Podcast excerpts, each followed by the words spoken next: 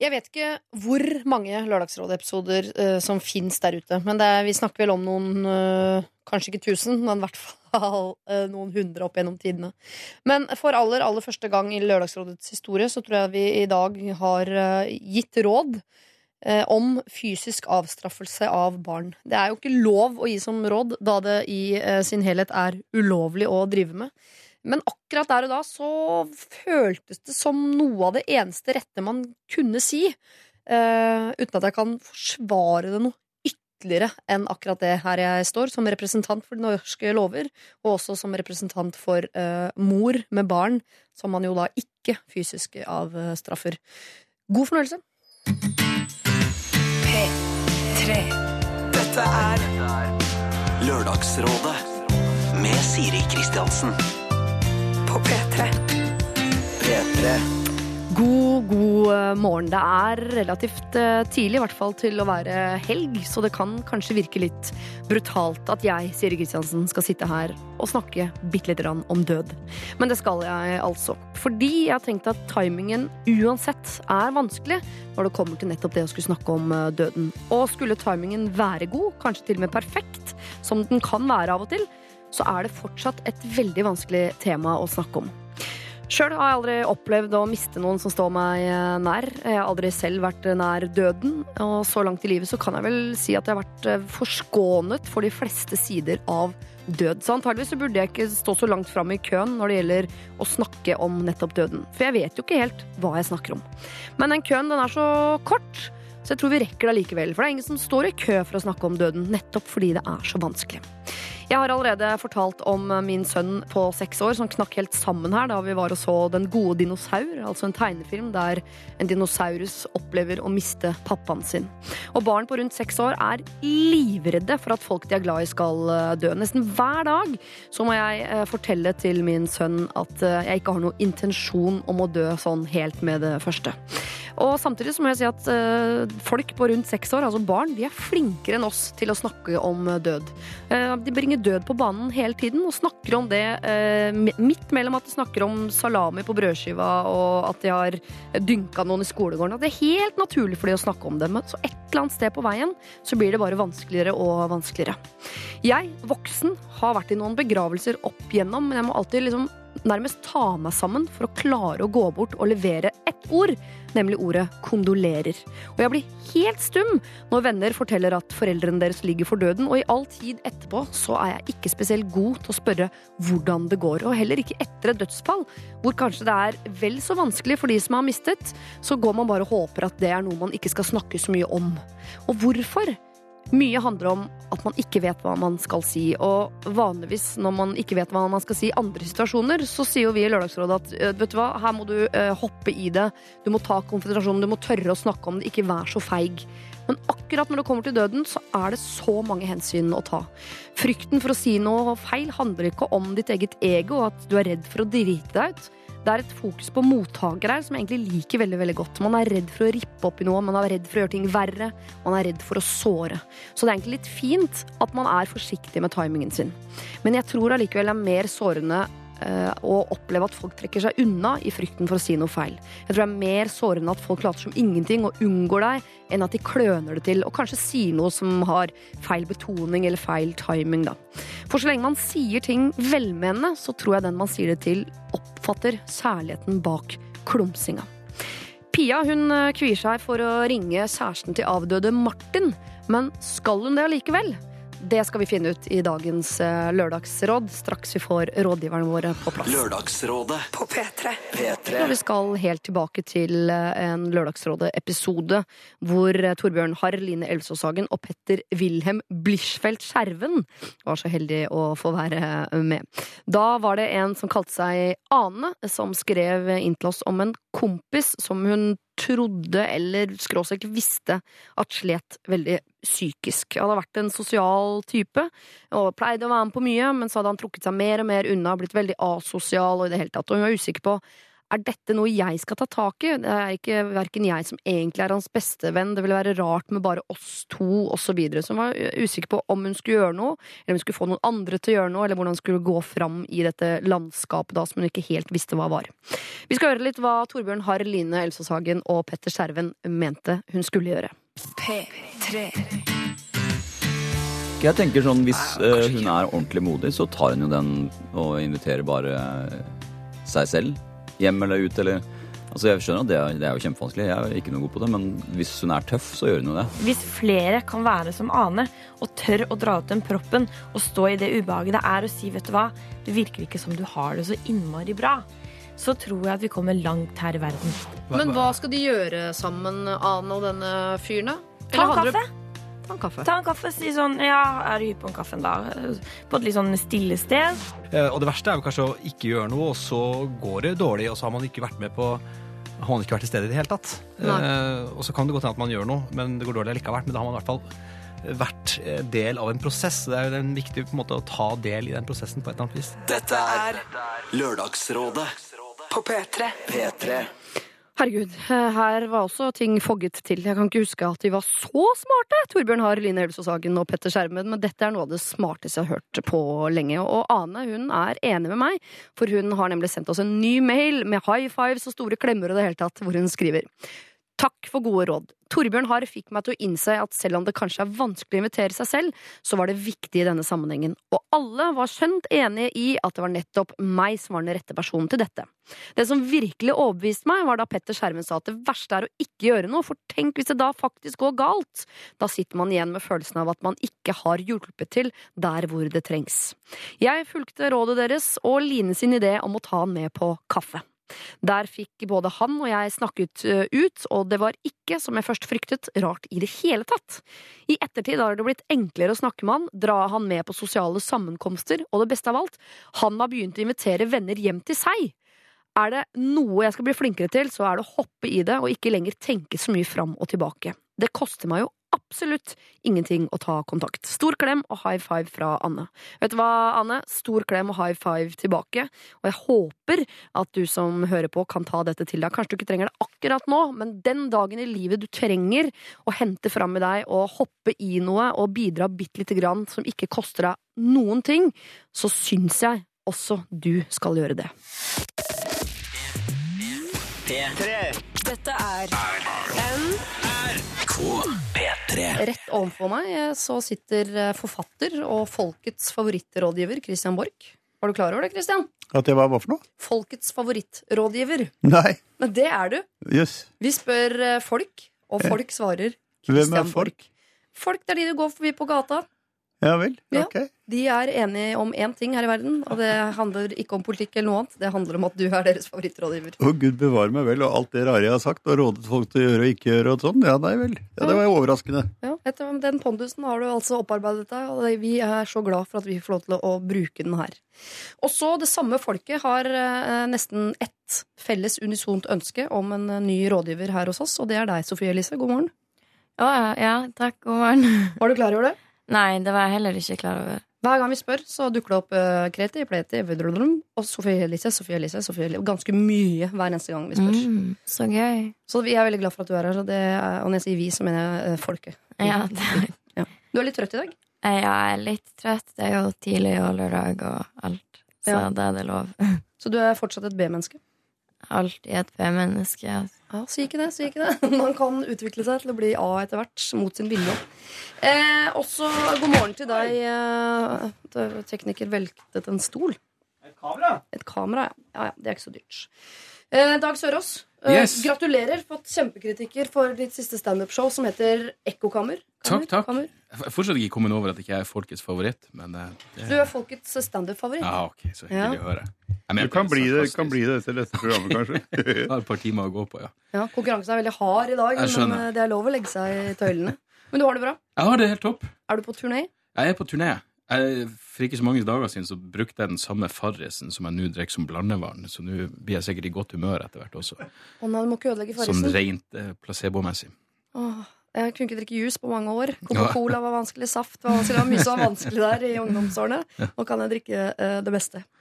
Jeg lurte på en ting, Sofie Elise, for jeg så på NRK her eh, for ikke mange dager siden, eller eh, det er vel kanskje en uke, halvannen, at du ble intervjuet av Ole Torp, altså en av eh, Christian Borch sine gode, gamle kollegaer, og kanskje også privat venn, hva vet jeg. Hvordan var det? Det var veldig gøy, syns jeg. Jeg Ja. likte å bli intervjua av noen som ikke var redd for å tråkke meg litt på tærne, kanskje. Han var veldig direkte, og det var ikke så veldig sånn politisk korrekt. Så jeg syns det var gøy å bare kunne fyre litt frem og tilbake. Men følte du at han skjønte blogguniverset, eller hadde du noen gang lyst til å si sånn Hei, gammelen, skal jeg forklare deg hvordan dette her er skrudd sammen? Jeg føler på en måte ikke at det var blogguniverset han var så opphengt i uansett. Eh, Jeg føler at det var den forbildegreia. Den føler jeg ikke at han kanskje forsto så godt, men eh, Følte du deg et øyeblikk smartere enn Ole Torp? Uh, Smartere og smartere. Peiling på litt andre ting, kanskje. Ja, det er veldig uh, fornuftig svar på akkurat det der. Det, bare, det virker så deilig innimellom å kunne føle seg litt smartere enn Ole Torp. Føler du deg smartere enn Ole Torp, Christian Borch? Nei. Å nei. Aldri? Nei, ikke egentlig. Nei. Ole Torp er en smarting, han. Han kan det meste. Ja, Men dere har ganske lik kompetanse, har dere ikke det? Jo, jeg tror det. Bred utenrikspolitisk bakgrunn, begge to. Ja. Gir han ut bøker, eller noe sånt der? Nei. Men altså, det har jo ikke noe med kompetanse å gjøre. Det er jo noe bare tull man finner på. Man kanskje burde latt være med. jeg vet ikke. Ja. Eh, hva med deg, Dag? Du må få det samme så Føler du deg smartere enn Ole Torp? Nei, men jeg er veldig komfortabel med å ikke være smartere enn Ole Torp. Ja. Eh, jeg har aldri reflektert så mye over han som jeg har gjort de siste ti sekundene. Men Han er jo en av disse eh, eldre herremennene eh, vi har på vår klode, mm, som blir vakrere og vakrere for hvert år som går. ja, han er heldig der, altså. Ja, de fleste blir jo styggere og styggere. Men han har også klart å snu det greiene. Ikke deg da, Kristian. Du, du og mange av disse NRK. Det er noe her i, i korridorene som gjør at eh, vi holder oss. Dere, Vi skal ta en runde på sivil status.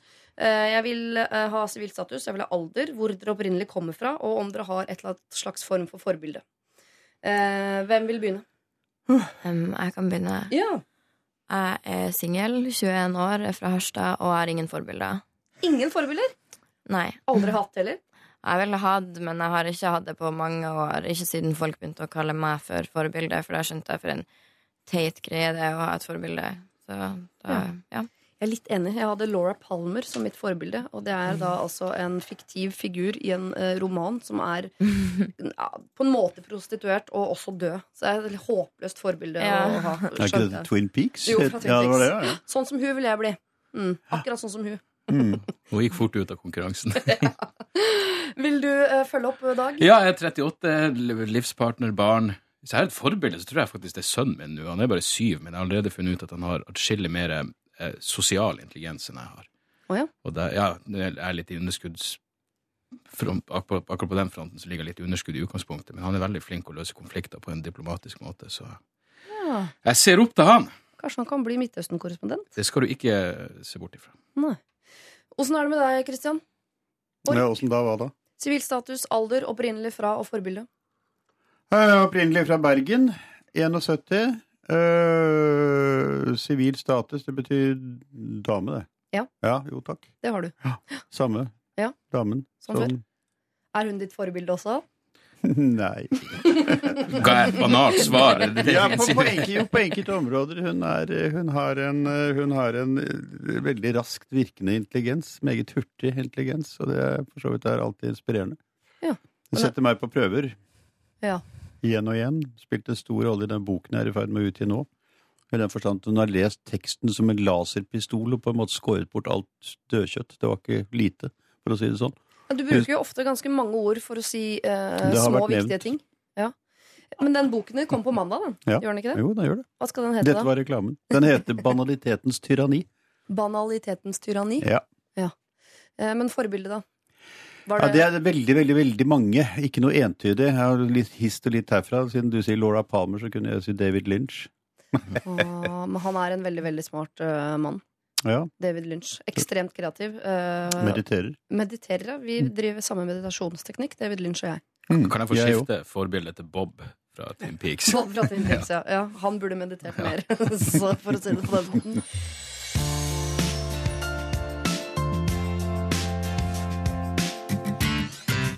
Kjære Lørdagsrådet, står det her. For fire år siden så flyttet min venninne Mona inn i et lite bofellesskap med en bekjent Martin.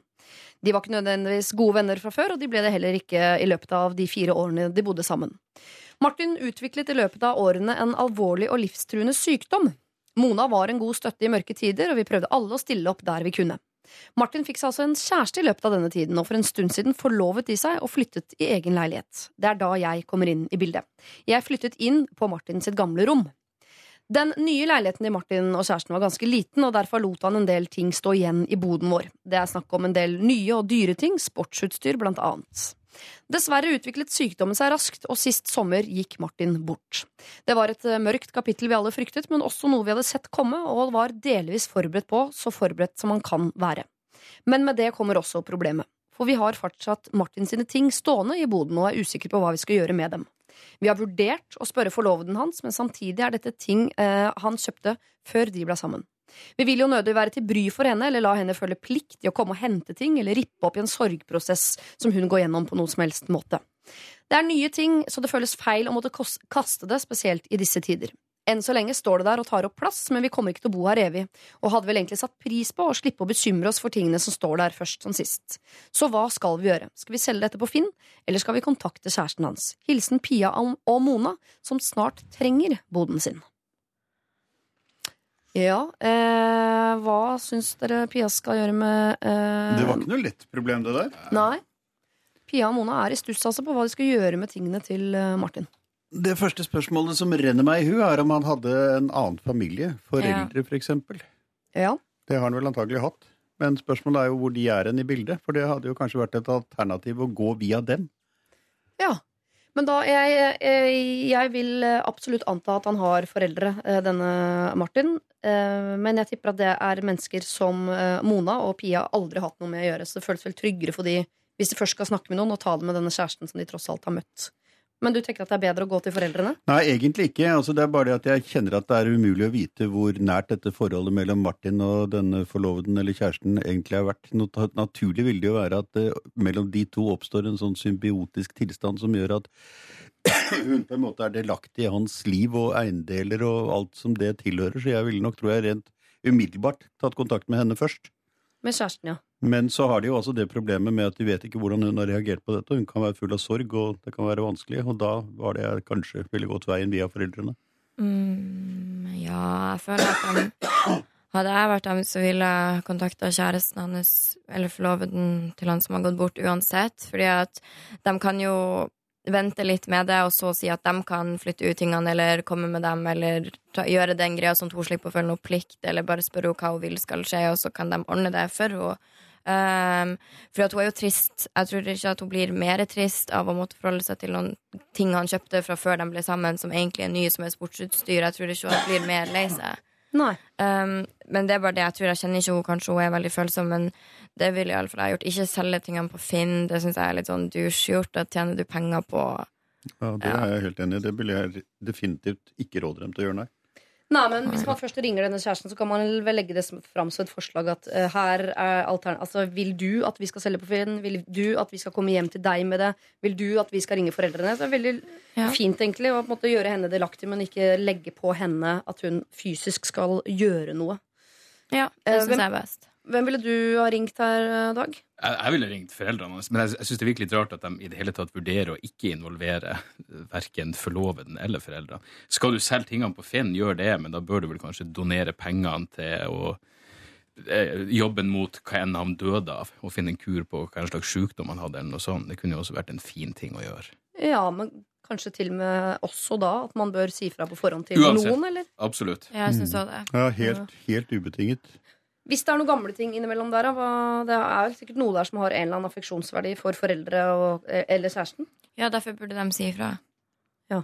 Men fortsatt til kjæresten. Uh, ja, fordi at hvis de Jeg regner med, siden de ikke nevner foreldrene her, at de ikke hadde noe kontakt med foreldrene til han som gikk bort, og da kan de igjen gjøre kjæresten delaktig, for hun kjenner sikkert dem, de var jo forlova, hun kan si hva de burde gjøre. Jeg syns egentlig ikke det var så veldig vanskelig, sånn som jeg ville tenkt det. Nei. Men når det, handler, det, det er jo en som har dødd her. Handler det litt om timing her? Kristian Borch, i forhold til Han har vært død nå i et halvt år. Eh, er det sånn at man bør vente, eller vil det ikke Nei. bli noe bedre uansett? Nei, det er ikke noe grunn til å vente. Nei. Altså Definitivt ikke. Det er spørsmål om de har kanskje ventet for lenge ved å vente et halvt år, tror jeg. Mm. Tilfeller, tilfelle, altså dette å si, det å være delaktig i hverandres bo, altså ha hverandres eiendeler, hverandres liv, på en måte, det er et følelsesanliggende. Og det er klart, et, eh, med de tingene er også et følelsesanliggende i sterk grad. Og da ville jeg nok tro jeg tatt det i litt tidligere. Men eh, nå er nå det gjort, så nå vil jeg i hvert fall Jeg er i grunnen mest enig i at jeg tror jeg ville først tatt kontakt med kjæresten. Ja. Uh, eventuelt hørt med uh, henne om hva slags forhold han hadde til foreldrene, og hvilket forhold foreldrene hadde til ham, for å involvere dem også. For det, mye av dette skriver seg jo antagelig fra lenge før hennes tid, og har vel antagelig ikke vært i hennes verden overhodet. Men Nei, kan ha vært ting som har kommet fra hans barndoms hjem, eller osv., osv.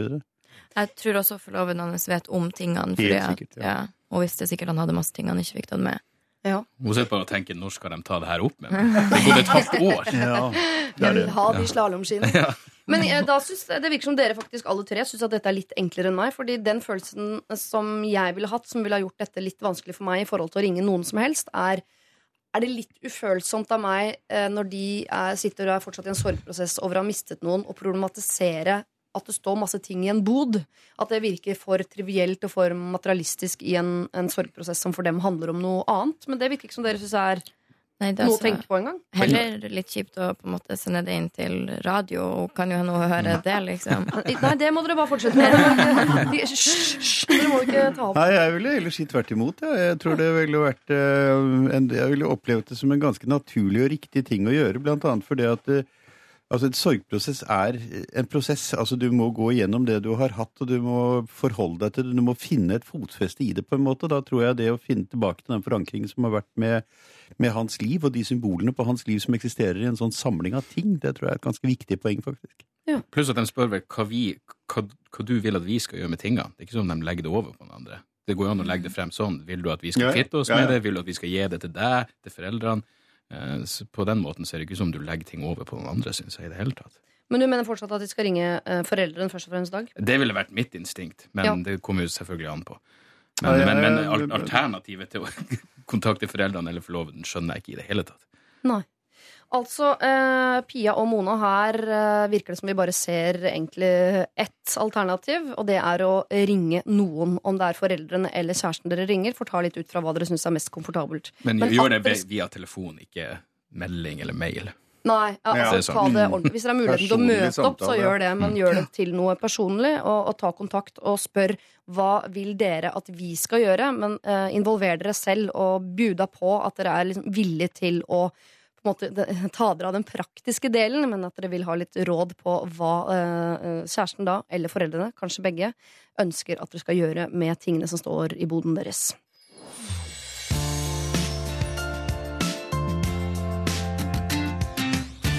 Vi skal eh, inn i eh, dette eh, ja, Vi skal inn i et slags sameie, vil jeg tro. eh, Hvor det er 30 boliger, og alle eier da hver sin leilighet. Er det noen av dere som har noen styrelederverv i noe borettslag? Nei. Ingen? Nei? Kunne ikke falt dere inn? Nei. Det er sikkert veldig, veldig lurt. Hei, dere. Jeg er nestleder i Huseierforeningen der vi bor. Vi er ca. 30 boliger, så det er små forhold. Litt sånn at alle kjenner alle i grunnen. Styreleder mottok i går følgende anonyme brev i posten. Der sto det 'Til styreleder' i anførselstegn.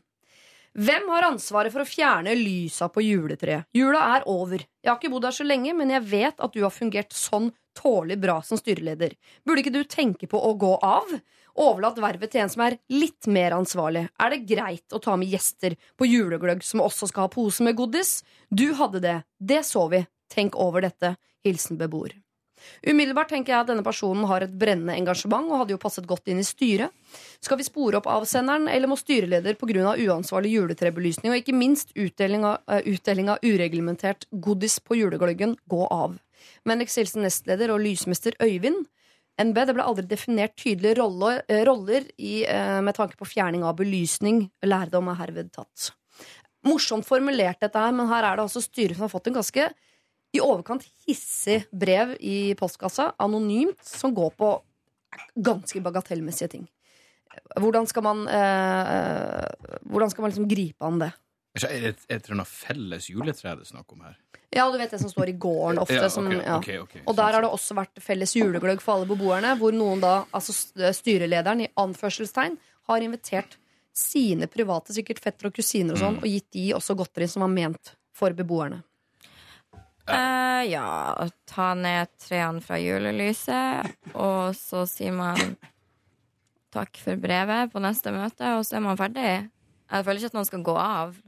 Du syns ikke styreleder skal gå av. Altså, Med mindre han eller hun generelt sett er en idiot, men det høres ikke ut som et grusomt menneske, for du har glemt det med juletrelysene. Nei. Det er februar. Ja.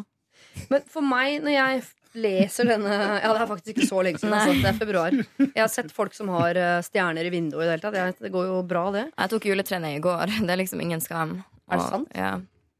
Var det noe igjen på det juletreet? Nei, det var plastikk. Og det er plastikk. Mm. Ja. Eh, det jeg reagerer på her, er tonen i det brevet. Det er jo litt artig, men også veldig, veldig sint. Ja, Hvordan skal man gå i dialog med folk som er så sinte pga. juletrebelysning? Men han er anonym. Overhodet Ja. ikke. Altså, det er jo det er, Vedkommende er jo helt skrudd. Altså, Å sende brev om dette er én ting, å sende anonymt brev om det er en annen ting. Og da lage en problematisering rundt styreleders kvalifikasjoner med basis i denne iakttagelsen, er det rene pære vrøvl, for å si det sånn. Ja. Jeg ville ikke brydd meg om det i det hele tatt. Og så vil ikke gå i dialog heller? Nei. Men hvem skal man gå i dialog med? Det er jo anonymt. Man kan jo ikke det uansett. Så det var jo synd. Jeg vet, altså Sånne forskrudde kverulanter fins overalt. Og det er jo, altså, masse mennesker har et fantastisk anlegg for å bite tenna fast i et eller annet. Og vedkommende skjønner jo sannsynligvis at dette er relativt idiotisk, siden, siden vedkommende opptrer anonymt. Hun eller han. Det lukter jo nettroll av hele fyren. Eller ja. dama, da. Unnskyld, jeg er veldig forutsatt at jeg må si at det er en fyr, men det kan jo selvfølgelig være en uh, dame. Jeg blir så oppskjørt. Jeg Ja. må ta en bolle. Jeg har sjøl litt eh, drama i mitt holdt på å si borettslag, og jeg vet at det her er egentlig ingenting i forhold til hva som kunne vært et problem, og bare eh, Han kan jo ta ned lysene sjøl på juletreet. Han som sender inn brevet. Han eller hun, Hvorfor sier dere Ja. hele tiden at det er en han? Fordi dere er mer sånn hissige og tufsete enn oss Nei, jeg, kvinner. altså, jeg kjenner et tilfelle som ligner litt på dette her. Altså, det var definitivt en hund. En hund! ja, en skrudd hund, for å si det sånn. Men hvis dette ikke hadde vært Altså hvis man Altså, hadde muligheten til å spore opp denne avsenderen, syns dere ikke at man på et eller annet tidspunkt skal uh, gå litt i dialog på tonen? Hvor, skal man oppføre seg sånn? Nei, borettslag med 30 boliger? Jeg hater å være uenig her. Nei, jeg hater å være enig. Men, Ja. men altså for meg, jeg tenkte også Drit i personen totalt. Jeg er et gjennomført usympatisk menneske som du ikke vil ha noe særlig med å gjøre. Men på neste fellesmøte kan du bare lese opp det her brevet og si hvis du er her nå hvis du vil ta over jobben min, så er det helt greit. Fordi det, det, det, Hovedproblemet er jo at det er sendt anonymt. Det er bare 30 stykker der. Da må du da kunne stå inne for det du sier. Um, så, så ta det opp uh, la med alle de andre og se om personen tør å stå frem. Og hvis ikke, så skal du i hvert fall ikke bry deg. Ja. ja. Altså, uh, ved neste eh, styremøte så leser du opp dette brevet. Uh, ber vedkommende altså gjøre seg til kjenne. Og så kan du kanskje ta en liten kommentar på at den, uh, altså, den hissigheten trenger vi ikke å ha her. Og hvis du vil ta over den jobben, så må du gjerne gjøre det. Og jeg er helt enig. Hvis han ikke vil gi seg til kjenne, ja, så er dette noe man eh, definitivt skal eh, overse. Lørdagsrådet med Siri Kristiansen. På P3. P3. Hei, mitt problem er at sjefen min er utro med en kollega som også har kjæreste. Sjefen min har hatt kjæreste i åtte år, og jeg trodde alt mellom dem var bra, bortsett fra ønsket hennes om å binde seg, gifte seg, barn osv. Da vi var på jobbtur for ikke så lenge siden, fant jeg ut at hun er utro mot kjæresten sin med en kollega, og dette har vært gjentagende under alle fester i jobbsammenheng. Vi har et tett samarbeid på jobben i det daglige arbeidet, og jeg syns det er vanskelig å forholde meg til henne nå etter at jeg vet dette. Nå har det dessuten kommet fram at nesten alle vet eh, hva hun gjør når kjæresten ikke er til stede. Utroskapen har kommet opp som samtaleemne gjentatte ganger når hun ikke er der. Jeg føler jeg burde si fra på noen måte, men burde jeg det, eller burde jeg la det være? I så fall, hvem burde jeg gå til? Henne? Sjefen hennes? Det er øh, hun som skriver min attest, og jeg skal slutte til sommeren. Jeg håper virkelig dere kan hjelpe meg. Kall meg eh, Nina. Og det er det vi skal når vi nå skal diskutere hva Nina skal øh, gjøre. Eh, utroskap er vanskelig, eh, Dag. Hva ville du ha gjort eh, her? Jeg ville bare venta til etter sommeren. det, det, det var det første som falt meg inn. Men jeg skjønte ikke, er hun- en venninne, eller er hun bare en arbeidskollega? Hun som driver og er utro. For hun er bare en arbeidskollega. Altså Nina er eh, Ja. kollega med denne som er utro Ja. med sjefen. Da er det vanskelig, altså. Jeg mener, jeg er stor tilhenger av brutal ærlighet, men du, du skal ha du må være litt mer over på vennskapsfronten, føler jeg, før du kan si at folk driver og snakker om det her bakom ryggen din. Ja. Så du bør ta tak i det. Så uh, akkurat der tror jeg jeg ville I mitt hode ville jeg holdt det for meg sjøl. Jeg ville følt at jeg ikke har noe med det å gjøre. Ja, Men er det av jeg eh, hensyn til at hun, vil ha en, at hun skal få en god attest når hun slutter, eller er det helt sånn Nei, Vil du ha gitt det råd uansett? Jeg tror nok det, absolutt. Hvis, jeg, hvis, jeg, hvis de var venninne, eller hvis de hadde litt nærere forhold, så ville det vært helt naturlig å ta henne til side og si du burde være bevisst på at folk vet hva du holder på med, og de snakker om det bak ryggen din, og det kommer til å spre seg. Så ja, nei, akkurat i dette tilfellet så, så føler jeg at det, hun ikke har noe med det å gjøre. Du har jo ikke noe sjef, Sofie Elise, sånn sett, men eh, klarer du å, å ta stilling til hva du mener at Nina skal gjøre med sin eh, viten om at sjefen er utro? Jeg skjønner ikke helt om hun synes det er ubehagelig å vite det, eller om hun synes det er ubehagelig at det kommer opp at de snakker om det. Men hun er litt sprikende om det er av hensyn til sjefen folk snakker bak ryggen din, eller om det er av hensyn til hei, du er sjef, nå må du ta deg sammen. Jeg føler ikke at det burde være en sånn hei, du er sjef, nå må du ta deg sammen. For hvis hun er en bra sjef, ellers så syns jeg på en måte ikke det burde ha noe å si hva hun gjør eh, i sitt forhold eller ikke. Um, hvis hun syns det er ubehagelig at folk snakker om det, så kan hun si ifra til dem, og så heller bare la det gå, for det er ikke hennes sak, helt ærlig, mener jeg da. Ja. Du er jo vant til å ha både sjefer og kollegaer, Kristian Christian Borch. Hva tenker Sjefer. du? eh, Du har vel hatt sjef på et eller annet tidspunkt? Ikke nå som er pensjonist. En slags, bare slags, en slags sjefer jo har vært, på en måte, ja. Mm, Ja. Men ikke noe sånn at jeg tror jeg ville tatt spesielle hensyn i en sak som dette. Jeg er litt enig i at jeg tror jeg ville holdt, eh, holdt dette for meg selv. Jeg har ikke bråket noe særlig med det. For det første er utroskap ofte produkt av helt andre forhold enn det du kan se i det offentlige rom, og det kan være helt andre årsaker i hennes eget hennes faste forhold. og dette her som gjør det, det er altså umulig å bedømme. Jeg har hatt et sånt tilfelle en gang i min grønne ungdom hvor jeg var ansatt i en stor, ærverdig organisasjon med en særdeles ærverdig eldre direktør som hadde en særdeles eldre, ærverdig sekretær som det viste han hadde hatt et forhold til absolutt hele tiden mens han var gift og hadde barn og barnebarn og fanden hans oldemor. Og det var altså et eller annet med dette her som gjorde at du, du fikk følelsen av at det var ikke utroskap i klassisk definert forstand. Det var liksom et eller annet merkelig forhold som hadde utviklet seg av grunner som man ikke helt forsto. Altså Det var ikke sant, et eller annet sånn litt esoterisk fenomen rundt dette her, og det kan det meget vel være her òg. Ingen vet det. Så jeg tror jeg ville vært varsom med å blande meg for mye borti det. Men det er ett aspekt her, og det er at hun sier at alle vet det, og hun har vel antagelig noen fortrolige på jobben som det går an å snakke med. Hva skal vi gjøre? Skal vi si fra? Skal vi blande oss bort i dette, eller skal vi ikke gjøre det? Og så prøve å få litt eh, jeg håper å si, impulser inn i sin egen tankegang på den måten. Det er mulig at det kan være den riktige veien å gå frem på. Pluss at kanskje sjefen har et åpent forhold. Folk har det også. Jeg mener, det er mange, jeg tar, alle, alle tar bestandig utgangspunkt i seg sjøl når det kommer til Ja, man gjør Jeg kunne aldri vært utro hvis dama mi hadde vært utro, bla, bla, bla. Alle, det er ikke alle som har et sånt forhold. Noen har et mer nyansert syn på det. Så, Mm. så det ja, ja. burde tas opp på en mer subtil måte i så fall. Nina her tar nok helt sikkert hensyn til hva, uh, hvordan hun ville reagert hvis sin kjæreste var utro. Eller, altså det, det, Helt alt det der tar man jo, Ja. all den sårheten og frykten og sånn tar man jo med inn i det. Men jeg kan også forstå at det er litt ubehagelig eh, å skulle gå i medarbeidersamtale med et menneske du i utgangspunktet skal respektere, eh, og så vet du at eh, holde på å fjase rundt på alle julebord og alt mulig. Altså jeg bare, det er noe med at ditt syn på sjefen din blir litt forkvakla. Men altså, det er bare én hun er utro med? Ja. Ja, ikke sant? Og Det er altså et, et sånn dobbeltforhold, på en måte. Ja. Og det ødelegger jo ø, jobbmiljøet også, tenker jeg til en viss grad. Hvis alle går rundt og på en måte baksnakker sjefen og en annen kollega, så er jo det en uh, ukultur på arbeidsplassen. Den tiden burde man jo bruke antageligvis til å snakke om andre Men da er jo det deres problem. Da kan de jo snakke om noe annet, tenker Ja, jeg Ja, jeg tror jeg er enig i det. De kan distansere seg fra det og snakke Mm. om noe annet, ja. ja. Så hvis Nina skal ø, Hun spør jo om hun skal si fra til kollegaen sin eller til sjefen. Hun burde faktisk si fra til de andre kollegaene. Hei, skal vi slutte å snakke om dette her? Om ikke Ja. si fra, så i hvert fall snakke med dem og diskutere diskutere litt for å prøve å få problemet liksom forflyttet litt ut av seg selv, på en måte. Og få litt andre impulser inn på det. Ok, Nina. eh, du trenger ikke å si fra til sjefen din, ei heller kollegaen. Jeg tenker at et, En ting som kan gjøre at vi eh, kunne ha ment noe annet, er hvis du også er en bekjent av noen av kjærestene i dette Mm, universet. Da begynner det ja. vanskelig. Hvis du må se folk i øya som du vet at gjerne skulle hatt informasjon du har, da er det et ekstra element som ligger til. Men det sier du ingenting om i mailen din. Her virker det som det er en sjef og en kollega som ikke du har noe med å gjøre sånn ellers. Da er det en greie mellom de. Eh, Du kan ikke ta med deg dine, din moral og din etikk inn i det problemet der. Om så, så må du på en eller annen måte prøve å stoppe den snakkisen som er rundt dette her, med de andre kollegaene dine.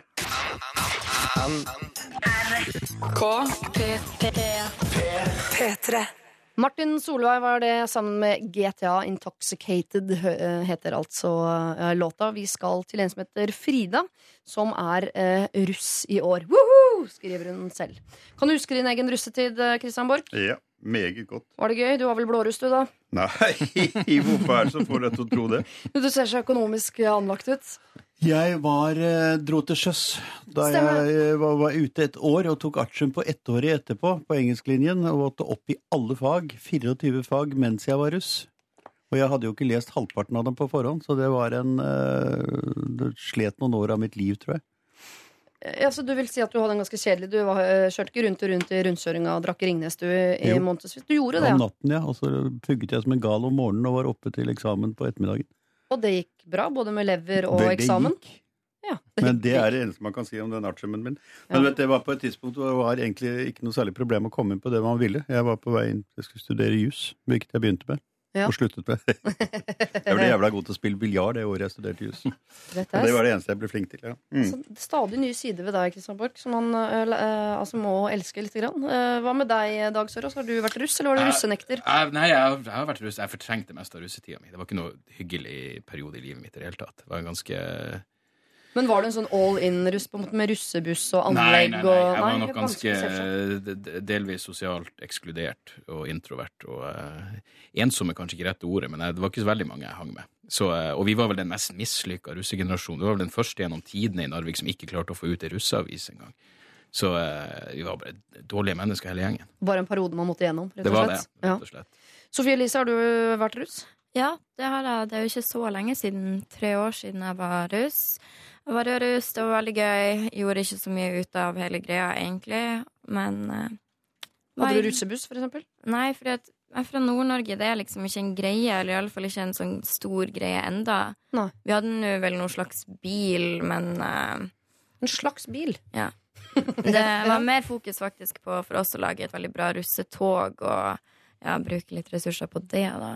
Men du, er- det er vel så kort siden du var russ at du nesten til og med kan huske hva som var russelåta det året?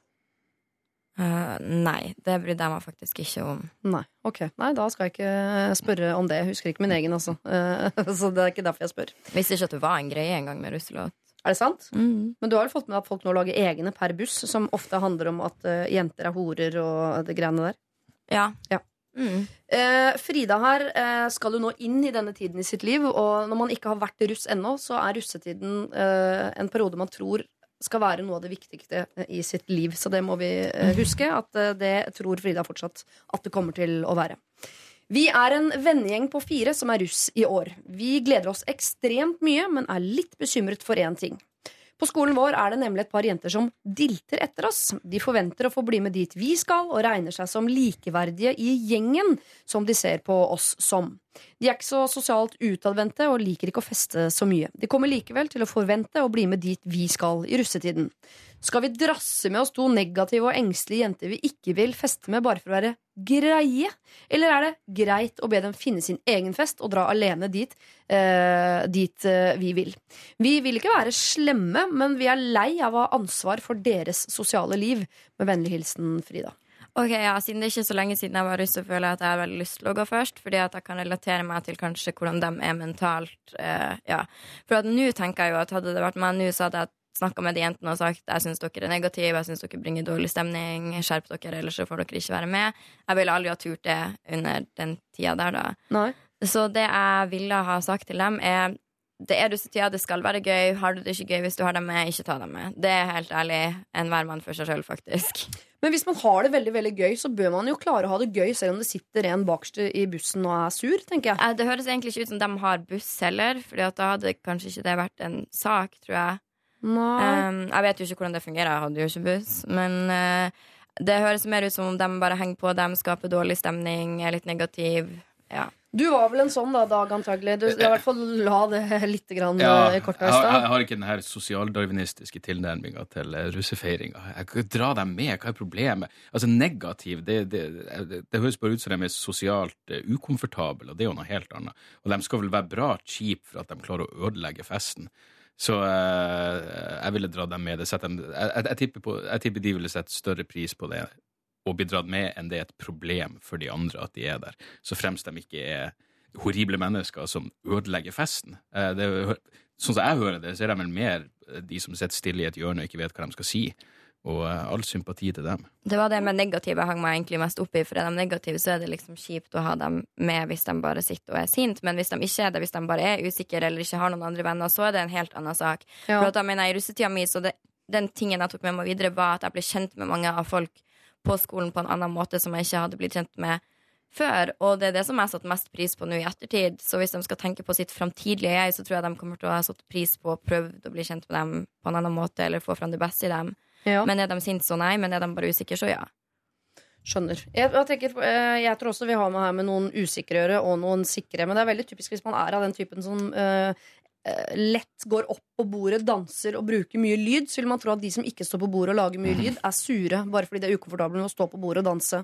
Jeg ville helt sikkert i deres øyne vært en sur negativ som ødela stemningen. Det er jeg ganske sikker på at jeg ville ha vært. Har du ikke, du pleier ikke å stå på bordet og sparke med beina og synge? Kan ikke huske å ha stått på bordet og sparka med beina og, og sunget på noe som helst tidspunkt i livet mitt. Nei, Og jeg har blitt et helt OK menneske likevel. Som det kunne vært verdt å bli sendt med i russetiden, f.eks.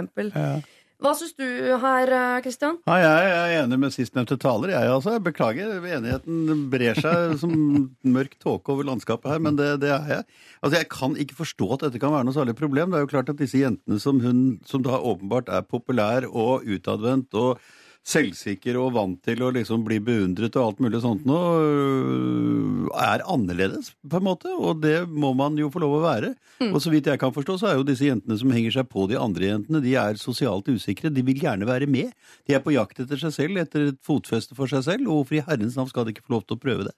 Egentlig De gjør jo ikke noe skade, gjør de det? Nei, jeg, Men Altså, men du, kan kan ikke, du kan ikke greie å være så sur på en russefest at du greier å ødelegge festen. Hvis du er to stykker i mindretall, og alle de andre står på bordet og danser og skriker og synger og sparker med beina. Det er jeg helt enig i, men, og vi har hatt lignende problemer her hvor det er en gjeng som skal til Syden, for eksempel, men så er det eh, to ekstra som også vil være med, som alltid er sure. Og jeg kan, på en måte, jeg kan skjønne at man tenker nå skal jeg inn i en tid hvor jeg bare skal ha det gøy og være glad. Jeg orker ikke det sure trynet ditt. Kan vi ikke bare men- få lov til det? Jeg kan, jeg kan skjønne at de har lyst, men jeg vet ikke om jeg syns at Men de skal burde du ikke da dra dem, dra dem med ikke sant? og inkludere dem i stedet? Og si hei, kom an, legg an en litt annen tone, så får vi det hyggelig Ja. alle Ja, men sammen. Sånne som Dag Aas vil ikke bli dratt med opp på det bordet og være sånn joho-mennesker. De De må få lov utøve litt De sier jo at de ikke er glad i å feste. Utøv litt positivt drikkepress på dem, og, og bruke alkohol på en fornuftig måte som sosialt glidemiddel. Så før du vet ordet av det, så er de også oppe på bordet, og så har alt ordna seg. Ja. Og så har, har de fyllenerver dagen etterpå, sånn som resten av oss. Det er Og så er det jo greit å ha med seg noen som kan passe på litt grann også, som ser situasjonen fra en annen vinkel enn oppe på det bordet, som kan trøste når noen har kjærlighetssorg, eller når noen har ramla ned fra bordet og, brekt en ankel. For alt du vet, så sitter det to standup-komikere borti hjørnet der som har masse morsomt å komme med. Ja.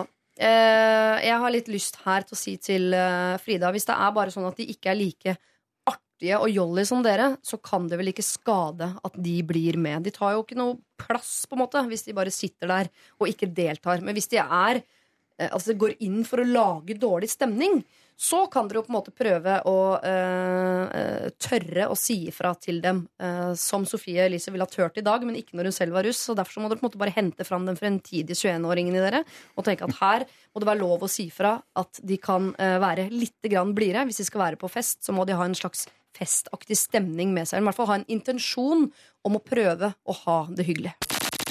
Dette er er P3. Nå skal vi treffe en som heter eh, Nora, eh, og hun skriver inn til Lørdagsrådet. Jeg trenger hjelp av dere til å løse et aldri så lite problem. Jeg har vært sammen med kjæresten min i litt over et år nå, og vi er begge der i livet hvor vi kan tenke oss å slå oss til ro nå som han har fast jobb og jeg straks er ferdig med studiene. Vi har det rett og slett veldig bra sammen. Jeg kommer opprinnelig fra en bygd og ønsker å flytte til, eh, by, eh, flytte til byen inn i hans leilighet, noe han også ønsker. Jeg har nå bodd hos han i ca. en måned fordi jeg har vært ute i praksis i regi av studiene. Jeg er klar over at det tar tid for oss begge å vende oss i tanken eh, om at vi skal bo sammen og samarbeide store deler av døgnet. Men for han sitter det litt langt inne. Både han og jeg er vant til å bo alene. Jeg er flink til å tilpasse meg omgivelsene, det er ikke han. Han blir fort sur og irritert hvis jeg gjør noe feil, altså hvis jeg gjør noe annet enn det han er vant til at gjøres. Og han har vanskeligheter med å vise meg ting da han heller vil gjøre det på sin måte. Jeg føler meg rett og slett som en gjest på heltid, noe jeg for så vidt er, men det er jo kjæresten min det er snakk om her. Jeg har ca. et halvt år igjen av studiene, og jeg er klar da for å flytte inn sammen med han. Men hvis han ikke slipper meg til og innser at vi er to om beinet, hva skal jeg gjøre da? Hvordan skal jeg fortelle han dette uten å tråkke han på tærne? Dere finner meg på øverste trappetrinn på konfliktskyhetsskalaen, på tieren der, altså. Håper på noen gode tips og triks fra dere vise mennesker. Jeg vil nødig forlate denne herlige mannen. Kall meg gjerne Nora. Det skal vi gjøre. Eh, Sofie Elise, eh, jeg har ikke presentert konfliktskyhetsskalaen for deg. Eh, men det er altså en skala hvor hvis man er en tier, så er man ekstremt ukomfortabel med å ta en konflikt. Er man en ener, så syns man det er helt, helt greit. Man oppsøker den nærmest. Jeg tror du har vært eh, gjennom den, Dag Sørås, og, Mm. og jeg vet at du har det, Christian Borch. Ehm, uh, du er ikke så konfliktsky, Christian, så vidt jeg kan huske. Mm, mm, Har jeg, husker jeg Ikke feil? det? Nei, jeg lurer på om du lå på en rundt en sekser eller noe. Som jo er delvis midt på treet. Jeg er nok i utgangspunktet konfliktsky, jeg er jo det. Jeg vil jo unngå en konflikt for enhver pris, men når konflikten er en realitet, så er jeg ikke god om å gjøre, tror jeg. Altså, det er ikke sant, jo, men jeg mener du er, du er Du synes sky, sky for konflikten før du liksom roter deg inn igjen, på en måte. Ja. Hvordan er du å bo med, da? Det er vel ikke så vellykket, kanskje? Ikke så vellykka det heller. Så du kan skjønne denne mannen her som vil ha ting på sin måte. Det skal gjøres sånn som han gjør det. Nei, Nei, det kan jeg ikke. det kan du ikke. Så hva syns du de da skal gjøre? De skal bo sammen om et halvt år. Jo, men altså, sant, Nyansene ligger ikke sånn at den ene sier at jeg vil ha det sånn, og den andre prøver å gjøre det sånn, og så greier ikke å gjøre den første fornøyd fordi det ikke er sånn han mente at det skulle være. på en måte. Det er ikke sånn det foregår. Det foregår på den måten at det oppstår irritasjonsmomenter som man kanskje ikke greier å løse. Det oppstår ting som kan være en bagatell i utgangspunktet, men som vokser til å bli et eller annet stort problem, og det kan være noe med reaksjonene på de forskjellige tingene. Det at man ikke snakker ut, f.eks. At konfliktskyheten gjør at man altså contain, som det heter på godt dårlig norsk, holdt jeg på å si. Mhm. Altså lar problemet ligge og ulme som en glo i sin sjel, og så eksploderer det i en helt annen dimensjon en dag. Ja. Så det er en del sånne nyanser i dette bildet her som, som gjør at det er ikke liksom helt svart-hvitt. altså. Så jeg tror nok at, eh, og jeg mener at ethvert forhold som da går over fra å være et løst, uforpliktende forhold til å bli et samboerforhold eller noe sånt, det, det har et lass av potensielle gnisningsmomenter rundt seg. Det er altså en del av gamet. Og det må man bare ta. Og jeg tror det må tas gradvis. Men konfliktskyheten kan være et alvorlig problem, for det er mye bedre å ta tingene in the making før de får vokse opp til å bli store problemer. Hvordan var overgangen der for deg i dag? Fra å være kjæreste til å bli samboer? Den er jo massiv. Ja, den er stor, men det har gått veldig greit. Jeg føler at jeg og dama har en sånn I hvert fall et par ganger i året har vi en sånn en, kalle det en mental oppvask, hvor vi liksom går igjennom litt ting, og så starter vi på scratch igjen.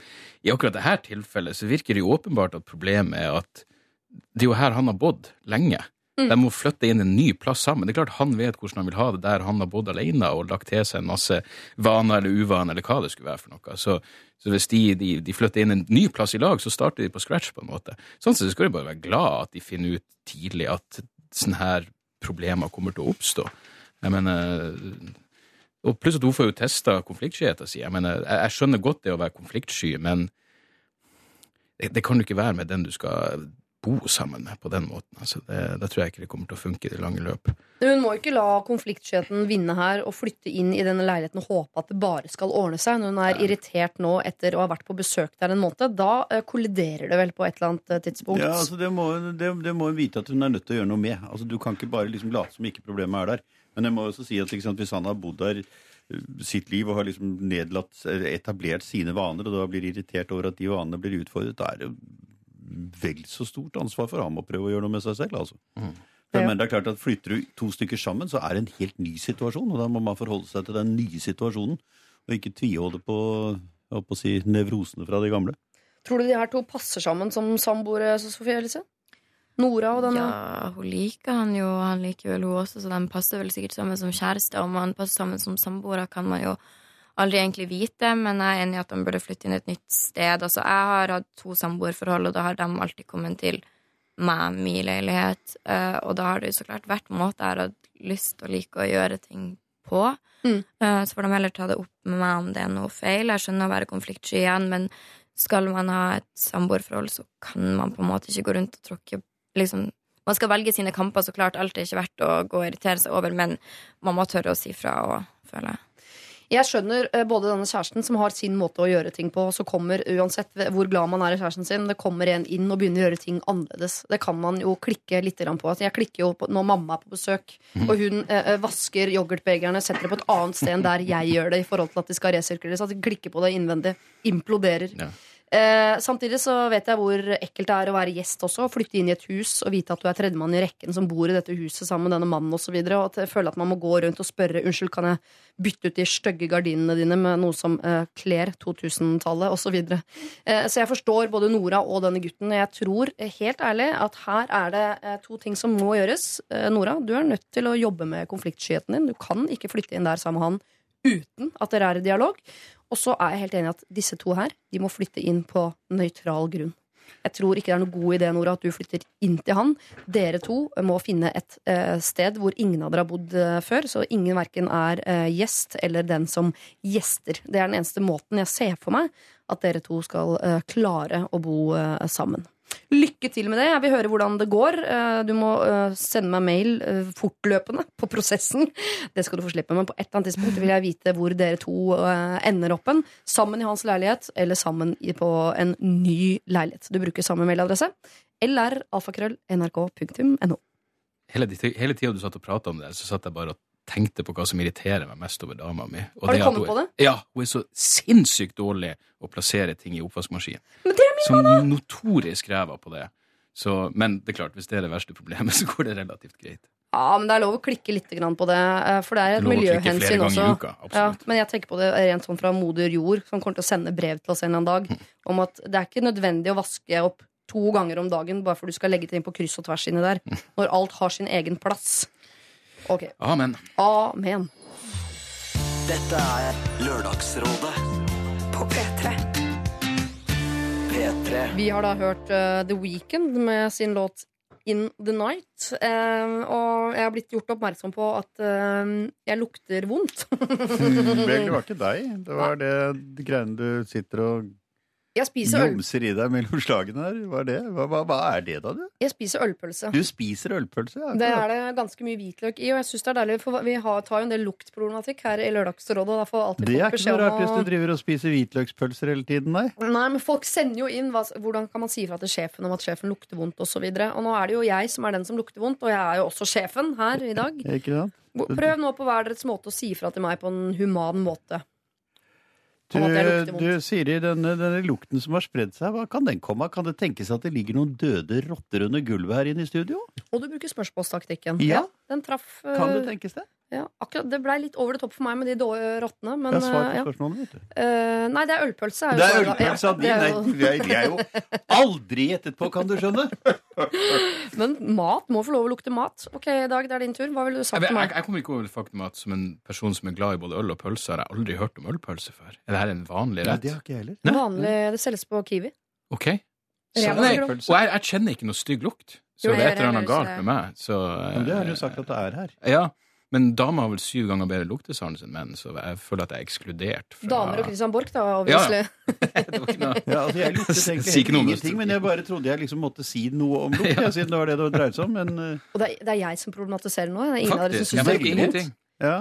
Der ser dere altså hvordan problemer uh, oppstår. Jeg har skapt et problem som ikke fins. her er egentlig alt veldig veldig trivelig. Jeg spiser ølpølse, og ingen har problemer uh, med det. Vi kan med andre ord gå videre i dagens eh, lørdagsråd. Takk for meg. Adele var det med sin When We Were eh, Young. Og vi skal videre til David, som er en 27 år eh, gammel eh, mann. Eh, kan du spørre dere først om det er noen av dere som noensinne har hatt en profil på et datingnettsted? Kristian Borch? Nei. No. Nei. Nei. Eh, Dag Sørås? Nei. Sofie Elise? Ja. På hvilket da? Er det å spørre? Mm, Tinder. Tinder, selvfølgelig. Men det er, jo nesten bare blitt et vanlig sosialt medie nå. At man kan Mm. nesten være der selv om man er i forhold. Eller er det et no-no?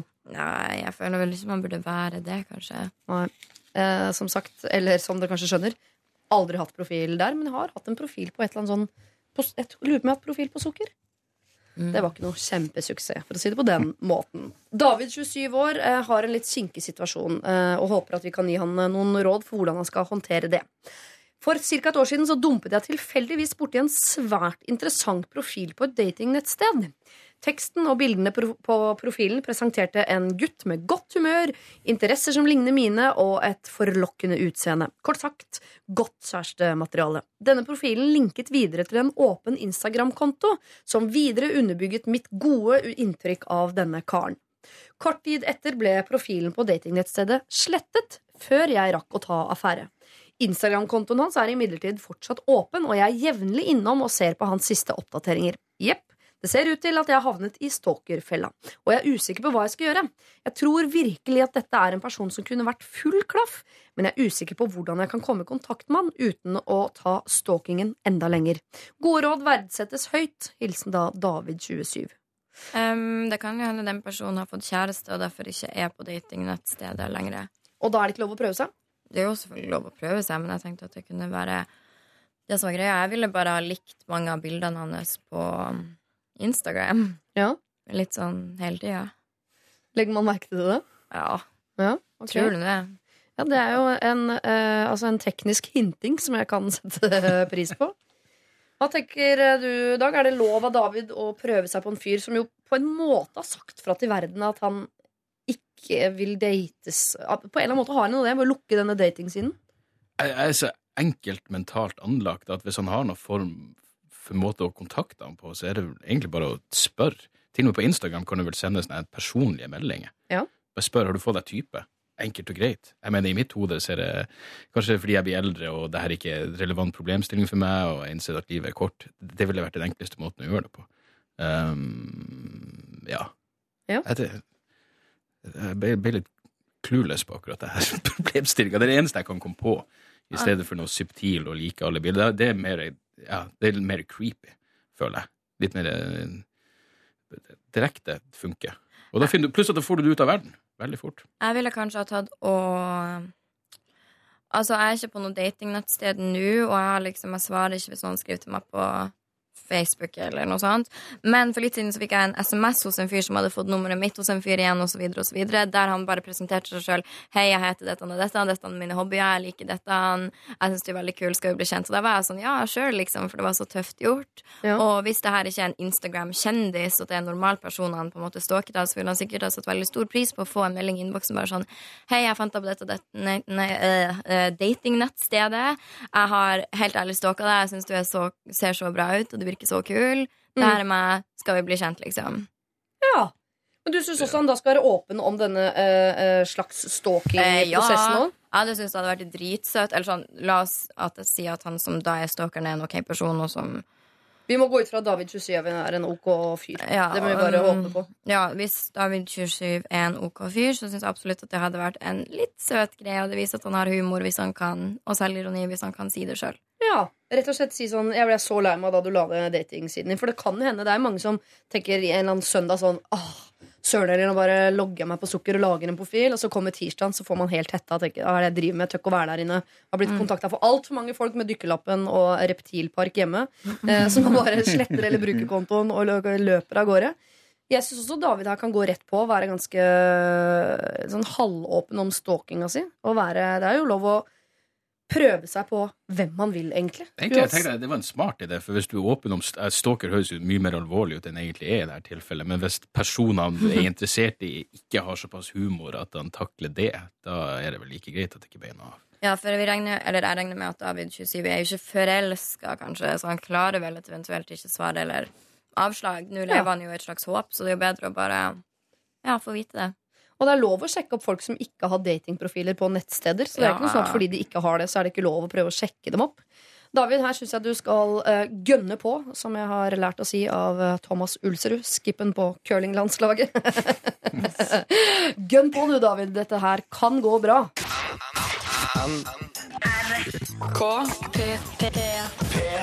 Turboneger synger selv Your Body to the Night', og det er jo en av mange grunner til at de ikke er rådgivere her i Lørdagsrådet, for det syns jeg er et utrolig dårlig idé. Eh, det er derimot eh, Dag Sørås, eh, komiker, eh, aktuell med soloshowet Ekkokammer. Det er også Christian Borch. Hvert øyeblikk eh, aktuell med boka som du sa var het i stad, og nå snakker jeg så lenge jeg kan for å håpe at Banalitetens tyranni. Tusen takk, Christian. Tusen takk for at du ga meg ytterligere anledning til å reklamere for dette åndsverk. Ja. Og evig aktuell på blogg, altså Sofie Elise. Hei, Lørdagsrådet. Jeg har et problem på jobb. Jeg har nemlig blitt dratt inn i mye baksnakking. Jeg jobber i et omsorgsyrke hvor jeg har vært fast vikar på samme sted ca. ett år. Her blir det baksnakket om både andre kollegaer og pårørende. Jeg blir av og til revet med og kan finne på å si ja, hun sa til meg i går at bla, bla, bla, bla. Men andre ganger så prøver jeg å si nei, jeg har et mer inntrykk av at hun er mer sånn og sånn. Hvor jeg prøver å vinkle dette positivt. Men dette er hver eneste dag, og jeg kjenner ofte om kvelden at jeg har litt vondt i magen og føler meg veldig skyldig. Jeg vil ikke at noen skal finne ut at det har blitt snakket om dem bak deres rygg, og, jeg, og bli lei seg. Og at de skal tro at jeg er en sånn en. Hvordan kan jeg unngå å bli en del av det? De spør meg jo rett ut om jeg er enig, og av og til så er jeg det, av og til ikke. Jeg vil uansett ikke involvere meg, så hva kan jeg gjøre? Hilsen min dårlige samvittighet. Dere kan kalle meg Astrid uten det. Eh, dette har vi jo egentlig snakket om eh, litt tidligere i dag. At sånn baksnakking på arbeidsplassen er jo lov å bare ikke ta del i. Og det er vel lett å si til Astrid at ja, men så ikke ta del i det, da. Men hun blir altså konkret spurt direkte hver eneste dag. Det er et evig jævla mas om å være med. Si bare at jeg vil ikke være med, for at nå virker det som at hun kanskje vil enten si at hun er enig eller ikke enig, altså ta en del av det på en måte uansett, men hun burde jo bare si at nei, jeg holder meg utenfor det her, liksom. Og hvis det er noen som har sagt Altså hvis jeg har baksnakka noen, og noen sier nei, ikke spør meg, jeg vil ikke bli involvert, så baksnakker jeg aldri noen til dem igjen. Nei. Det kan være å sette ned foten ganske hardt sånn med en gang og håpe at man ikke blir spurt igjen. Jeg, jeg skrur på min moralske høye hest med det samme, men så slo det meg jeg tror komikere må være de som baksnakker mest. Jeg mener, Straks jeg treffer en annen komiker, så begynner vi å snakke om noen som har gjort et eller annet. Men jeg føler vel fortsatt at det er innenfor grensa på hva man kunne sagt til personen det handler om ansikt til ansikt. Når hun sier hun får dårlig samvittighet over å være med på det, så høres det litt mer ondskapsfullt ut, og da er det jo greit å Jeg er ikke en prinsipiell motstander av baksnakking, jeg tror det kan ha en stor underholdningsverdi. Men hvis du sitter og har dårlig samvittighet i ettertid, ja, da har du vel trådt over en eller annen strek som du burde så, ja, som du burde tenke over. Jeg har også et ganske avslappa forhold til det der med baksnakking og tenker at det trenger ikke å være så gærent. Og jeg må jo si at jeg husker de som, som eh, ikke skulle være med å baksnakke. Da tenkte jeg jo midt om det og syntes det var superirriterende. Men på sikt så får man en respekt for hun ene som aldri baksnakker. det gjør man virkelig. Absolutt. Men jeg, jeg skjønner at det er et evig mas om å være For det blir nesten en sosial kode etter hvert. Som du sier, Når komikere møtes, så baksnakker man en tredje komiker. Videre. det er en del av, eh, kodeksen oss imellom. Og det har det blitt på hennes arbeidsplass. Og jeg tror den dagen Astrid uten det sier 'det der vil ikke jeg være med på', så ekskluderer hun seg selv på en eller annen måte fra et miljø. Ja, men jeg tror Hvis hun la det frem på den måten hun gjør her, hvis hun i stedet for å si det her vil ikke jeg være med på, men hvis hun stilte et åpent spørsmål som er den eneste som får litt dårlig samvittighet av alt det her, så tror jeg du tvinger de andre til å reflektere litt. Og da, da, da setter du ikke dem i en posisjon hvor de må på defensiven med en gang. Hvis du stiller et åpent spørsmål som er 'jeg får litt dårlig samvittighet for det her, hva med dere?' eller noe sånt, mm. så, så gjør du da er Det litt mer rom for debatt, i stedet for at hun bare er den kjipe som skal være så Spørsmålsformen er i det hele tatt en veldig fin måte å ytre seg på. Mm. Altså Du rett og slett setter i gang en prosess hos andre for å lempe tankegangen deres inn mot din egen. Og i dette tilfellet ville jeg også helt klart gjort det. Altså Ikke delta i det, og latt være så langt det går. Men ikke sant, i det øyeblikk det blir påfallende at hun da ikke er med, og alle de andre er i fullt firsprang hele tiden, så vil hun enten bli stående utafor, eller så kan hun delta i det ved å gjøre det. Altså ved å stille spørsmål på den måten. Så du, øh, du har ikke en baksnakker i deg, Kristian? Nei. Aldri hatt? Nei, tror ikke det.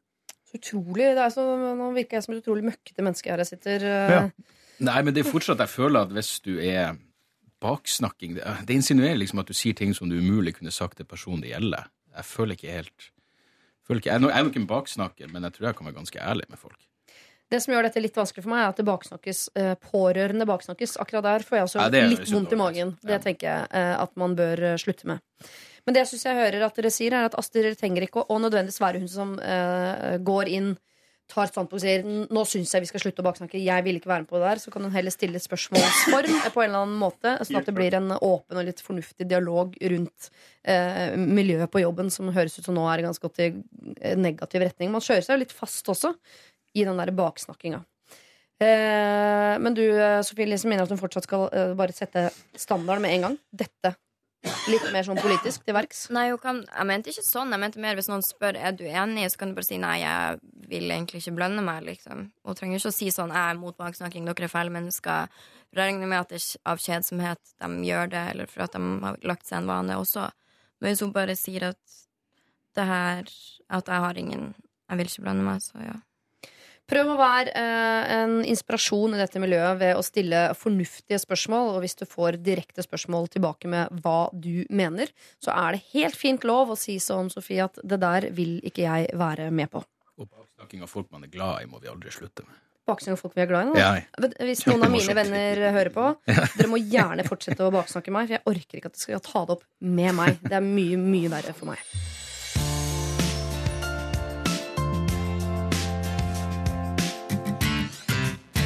S sammen med CLMD. Låta heter jo da Dust. Jeg sitter med et bilde foran meg på min mobiltelefon som jeg tok av et Se Hør-blad på Kiwi i Son her for halvannen uke siden. Der står det nemlig Christian Borch 71 og Josefin 52 fikk ny glød i forholdet.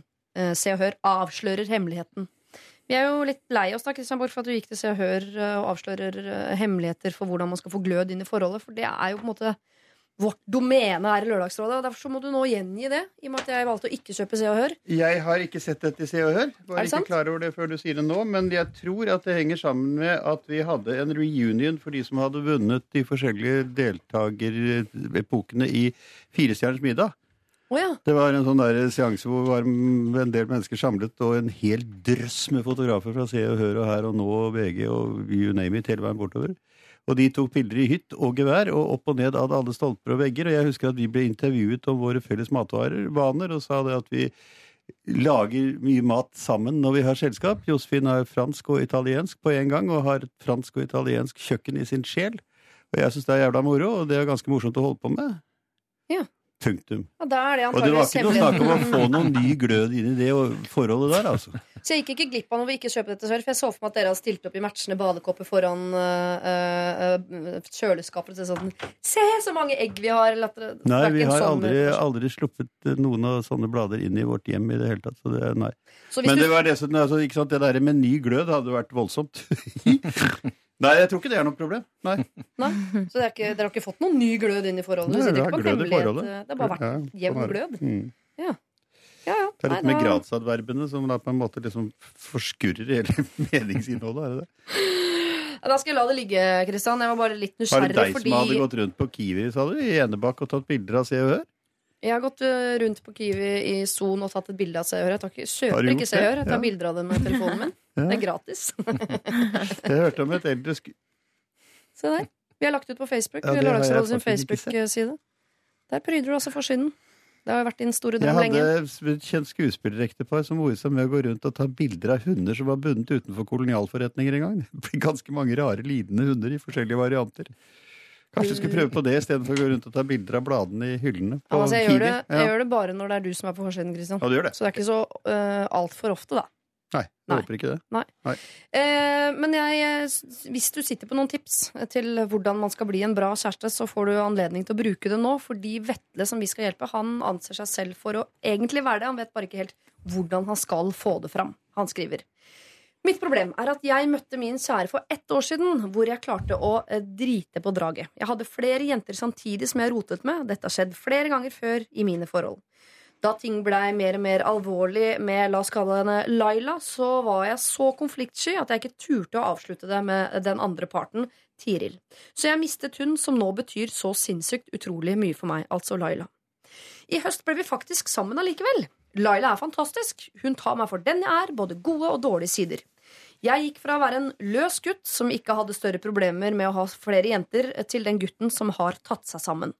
Men før jeg ble sammen med Laila, så klarte jeg å dra på grisefylla, etterfulgt med å stappe tunga ned i halsen på min beste venn Marianne. Dette er noe vi angrer begge på, og som vi aldri vil gjenta. Men pga. min historie med jenter og dette, så stoler ikke Laila på meg med Marianne. Så jeg lurer på hvordan jeg skal klare å vise min kjære Laila at hun er min prioritet nummer én. Selv om mine venner er utrolig viktige for meg, de også, da, men de blir da prioritet nummer to. Men hvordan skal jeg vise Laila at jeg elsker henne? Men Marianne er min beste venn, og jeg vil jo ikke miste henne heller. Det har blitt tatt opp hvor eh, Laila ønsker at Marianne skal fases ut av våre liv. Hilsen Vetle. Så Vetle har da en fortid som eh, rundbrenner. Han har vært så dum å kline med sin beste venn Marianne som han vil beholde. Men Laila er altså skeptisk til dette. Jeg tror jeg ville vært skeptisk jeg også hvis jeg hadde vært Laila. Ja, ja, ja. Det er helt Altså naturlig, med den, med den uh, track recorden hans, altså, så tror jeg nok at jeg ville vært det. Men til og med gamle uh, rundbrennere som Vetle slår seg jo til ro en eller annen gang, men man må bare Han høres ikke helt sånn ut. Jo, ja Men nå, altså nå Hvis det nå virkelig er det store forholdet, så er dette det han må da satse på. Det han må gjøre noe med. Og da må han på en måte løsrive seg fra en del av de eh, tendensene, de angstene han har hatt tidligere for ikke å for å miste noen, på en måte. Altså han må, han må tørre å satse på dette, og det må han da vurdere å gjøre ganske grundig, tror jeg. Hvordan gjør man det? da? Nei, jeg tror I dette tilfellet her så ville jeg nok aldeles klart vurdert om ikke det problemet med denne Marianne, som han da sier er en venn, men som også er litt av hvert annet innimellom, i fylla, eller hva det var for noe, er eh, et rusk i som han er altså faktisk nødt til å frigjøre seg fra for å kunne fullt og helt Han må fase ut Marianne. Jeg tror det. Ja, man kan ikke alltid få alt i pose og sekk hvis man ikke klarer å håndtere det man får riktig. Fordi at han mista Laila, fikk henne tilbake. Da skal på en måte ikke du ha rettigheten til å si ja, men jeg kliner med bestevenninna mi, men vil uansett ha henne, selv om jeg holdt på med to samtidig og fikk deg, og jeg elsker deg hit og dit. Hvis han elsker henne og føler at det virkelig er prio ett, så er det prio ett. Og da kan du fase ut andre fra ditt liv. Det er i hvert fall et veldig tydelig signal til denne Laila at hun er pri én, hvis han faktisk hører henne og faser ut denne Marianne, som jo i eh, følge han er pri to, altså en del av vennegjengen. Det ser ikke ut, altså Hele ansiktet ditt forteller meg at du er uenig. Ja, jeg, jeg er litt uenig. Hvordan var det hun fant ut at jeg, hadde han innrømt hva han hadde gjort? Ja, for innrømte han det, så er det Ja. ok, føler jeg. For Ja, da det er ingen problem. Jeg, mener, hvis han har vært, jeg har aldri vært noen rundbrenner, men jeg kan se for meg at det er ikke så lett å slutte cold turkey. Så han er jo åpenbart på bedringens vei, og hvis alt han gjorde var å kline litt med oss, så ja, det, det kan du tilgi. Og så kan du heller må la han skjerpe seg litt gradvis her. Så jeg, Men man skal ikke være veldig sjalu, for jeg syns det er litt vanskelig å omgås den forrige kjæresten din klina med. Nei, for all del. Og det blir jo på en måte en annen. Jeg mener, men Nå mener jeg rent i forhold til han, så eh, han må få litt eh, slakkere Nei, litt, eh, ja, litt slakkere line enn kanskje mange andre, hvis han har den fortida. Han er jo åpenbart i ferd med å skjerpe seg. I ferd med å Ja, det er bare deilig for Laila å vite hvor i prosessen han er på den skjerpinga. Skal han fortsatt prøve å feile litt? Hvis han bare klina med henne, og så innrømte han det etterpå, så er han på riktig vei. Ok, men da føler jeg det er flere måter å ta det her på. Clinton Moe innrømte det, så ok, greit, for at da har han vært ærlig og faktisk stått opp for det og tatt konsekvensene for det, og da viser han også at det var ingen big deal, for han trenger ikke å gå og skjule det. Fant det ut på en annen måte, så helt annet scenario, syns jeg, for da er han enda ikke helt ærlig eller ferdig med hele den greia da. Um, ja, så det er egentlig flere måter å tenke på. Men hvis nå dette er et problem for Laila, altså et problem som ikke har noe med hodet å gjøre, men må ha med hjertet og følelsen å gjøre, så er det altså spørsmålet om man da øh, ikke må ta de fulle og hele konsekvenser av det hvis han virkelig vil ofre seg helt for henne. Ja. Men, For her er det ikke, her er det ikke logikk, altså. Nå snakker vi overhodet ikke fornuft. Altså, I sjalusi og flyskrekk og mye annet så er det ikke mye logikk. Men det er kjempevanskelige følelser som settes uh, i sving, som man ikke bare kan snakke bort sånn over natta. Men jeg vil at vi skal prøve å leite etter en eller annen metode Vetle kan bruke for å overbevise Laila om at hun er altså, uh, den viktigste i hans liv. Han har landa. Det er henne han vil satse på, uh, og at han elsker henne. Alle disse tingene må jo være andre måter å vise til Laila på enn å kutte ut Marianne, som er en av hans beste venner. Jeg er ikke sikker på det. Jeg kommer ikke på gi- én, jeg kommer ikke på noe. Nei, jeg tror ikke det. Det er ingen andre måter å gi eh, Laila trygghet på. At det er hun som er nummer én. Altså, Tryggheten kommer jo ikke altså, Du kan ikke imposere trygghet på et menneske. Det er noe som kommer fra innsiden når du virkelig føler deg trygg. Og den tryggheten er eh, ikke noe som kan konstrueres. Du kan ikke bygge den med mekano. Nei, men Kan man eh, påvirke i noe som helst retning, sånn at hun kan bygge dette? Ja, Blant innsiden, annet ved å, ved å fjerne de tingene som gjør forholdet inni henne såpass urolig at det blir umulig å bygge et ordentlig kjærlighetsforhold ut av det. Marianne ryker, altså. Det er egentlig ikke Marianne som er problemet, det er jo Mr. X-rundbrenner her. Ja, det er bare at Marianne blir et veldig tydelig tegn jo, men- på det der når hun driver og straber rundt i Det blir jo symbolet på det, da. Ja. Mm. Er det helt løpet for Marianne? Hva hvis han bare du kjenner ikke henne fyren, men skal jeg sette meg inn i hans situasjon, så er det bare å si vet du, jeg jeg elsker deg, og jeg har visse tilbøyeligheter, men jeg, jeg lover deg at jeg skal være ærlig, og hvis jeg gjør det her igjen, så skal jeg gå ifra deg, selv om jeg ikke har lyst. Og så Ja, så får vi se. Det, det da tror du hun ville blitt rolig og lykkelig? Etter det der? Jeg vet ikke. Det, det, Da vet du i hvert fall hva hun har. Ja, absolutt.